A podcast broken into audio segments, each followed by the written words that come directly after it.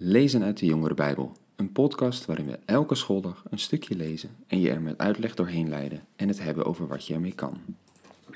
Dag jongens en meiden, goed dat je weer luistert naar een aflevering van de podcast. We zijn dus deze week verder aan het lezen over wat het betekent dat Jezus is gestorven en opgestaan. De kern van wat we eigenlijk geloven. Nou, gisteren lazen we al een stukje uit de brief van Paulus aan de Filippenzen. Een gemeente waar ze met blijdschap uh, het evangelie hadden ontvangen, uh, waar ze gegroeid waren in geloof en waar ze het ook moeilijk hadden gekregen door tegenstanders die niet wilden dat ze geloofden. Hun gingen tegenwerken, ja, hun zelfs vervolgden. Nou, en ondanks dat het dus goed ging in die zware tijd, voorzag Paulus wel wat problemen. Dat ze misschien groepjes zouden gaan vormen. Dat sommige mensen te hooghartig zouden worden en niet meer zouden zien wat anderen eigenlijk nodig hebben, maar vooral zichzelf beter achten. En hij zei: Wees nederig, ehm, acht die ander hoger en let niet alleen op wat je zelf nodig hebt, maar ook op de belangen van de anderen. En vandaag gaan we verder lezen, want er is eigenlijk een heel mooi voorbeeld van iemand die zulk gedrag had. En dat lezen we in Filippenzen 2 vanaf vers 5. Laten we maar eens kijken. Daar staat: Laat onder u de gezindheid, de, dat is dus de manier van denken, heersen die Christus Jezus had. Hij, die de gestalte van God had, maakte er geen aanspraak op aan God gelijk te zijn, maar deed afstand van zijn positie en nam de gestalte aan van een dienaar. Hij werd gelijk aan de mensen en als mensen verschenen heeft hij zich vernederd en werd gehoorzaam tot in de dood, de dood aan het kruis. Daarom heeft God hem hoog verheven en hem de naam geschonken die elke naam te boven gaat, omdat in de naam van Jezus elke knie zich zal buigen, in de hemel, op de aarde en onder de aarde, en elke tong zal beleiden, Jezus Christus is Heer, tot eer van God de Vader. Hoe kunnen we rekening met elkaar houden als er in een gemeente allerlei verschillende belangen en behoeftes zijn, verschillende mensen met verschillende meningen? Paulus zegt, je moet zijn zoals Christus Jezus was. Kijk, voordat Jezus op aarde kwam, was hij bij God. En hij had daar zo'n hoge positie. Hij, er staat hier, hij had dezelfde gestalte als God. En hij uh, had even belangrijk kunnen zijn als God, maar hij heeft dat allemaal achter zich gelaten, is een mens geworden en is zelfs gehoorzaam geworden tot in de dood. Ja, apart is dat, hè? we hebben het daar niet zo vaak over, maar de tekst lijkt hier dus te zeggen dat Jezus er al was en aan God gelijk was voordat hij naar de aarde kwam.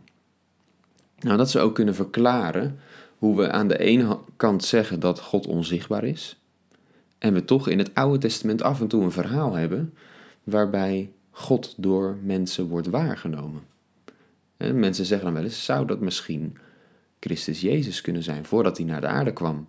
Dat hij, want hij wordt ook wel eens het beeld van God genoemd, dat hij een soort van namens God optrad, zichtbaar werd met mensen sprak. dat God soort van door hem heen die boodschappen deed. En dat, dus, dat we dus lezen dat het God was en dat het blijkt dat dat uiteindelijk Jezus was in de vorm van God, namens God. Dat komt wel vaker voor. Jij leest bijvoorbeeld ook een keer in het Oude Testament dat Mozes op de berg, als hij de wet krijgt, daar ook God gezien heeft.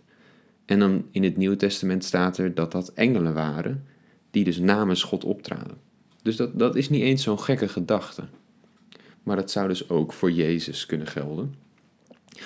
Hoe dan ook, als Jezus voordat hij naar de aarde kwam zo'n hoge positie had, maar daar niet aan vasthield, maar alles eigenlijk aflegde, mens werd en zelfs stierf, ja, dat is wel echt een toppunt van zo'n houding waar Paulus het over heeft jezelf niet te belangrijk achten, de ander hoger achten, niet alleen let op wat je zelf wil, maar juist wat die ander nodig heeft. Jezus hield niet vast aan zijn hoge positie omdat hij wist dat wij het nodig hadden. Dat hij naar de aarde kwam, alles aflegde en zou sterven. Nou, Paulus zegt dus, diezelfde manier van denken moeten dus ook wij hebben. Dat is inderdaad een mooi voorbeeld. Laten we nog even verder lezen, want het gaat verder in vers 12. Geliefde broeders en zusters, u bent altijd gehoorzaam geweest toen ik bij u was. Wees het des te meer nu ik niet bij u ben. Blijf u inspannen voor uw redding en doe dat in diep ontzag voor God. Want het is God die zowel het willen als het handelen bij u teweeg brengt, omdat het hem behaagt. Doe alles zonder morren en tegenspreken, opdat u zuiver en smetteloos bent. Onberispelijke kinderen van God te midden van een verdorven en ontaarde generatie, waartussen u schittert als sterren aan de hemel. Houd daarbij vast aan het woord dat leven brengt. Dan kan ik op de dag van Christus trots zijn, omdat ik me niet voor niets heb ingespannen en niet voor niets heb afgemat. Ja, we hebben zoveel moois gekregen van God. Zoveel waar we blij van kunnen worden, waar we ons leven op kunnen bouwen. Alleen het moet niet bij die mooie theorie blijven. Dus Paulus zegt hier ook: ja, blijf u inspannen voor uw redding. Daar staat eigenlijk zoiets als: werk het uit. Je bent nu gered, zorg ook dat het in de praktijk iets gaat betekenen. Paulus spoort aan om het niet alleen bij theorie te laten, maar het daadwerkelijk in de praktijk toe te passen. Dat zijn die goede werken waar we eerder deze week over lazen, waar God ons voor gemaakt heeft. Nou, en het is altijd een dingetje. Er staan in de Bijbel best wel vaak oproepen van doe nou dit niet en doe nou dat vooral wel. En tegelijkertijd staat, kan je ook vaak dingen lezen van dat het niet werkt als wij het zelf alleen maar harder gaan proberen. Hoe harder wij het gaan proberen, hoe vaker we struikelen.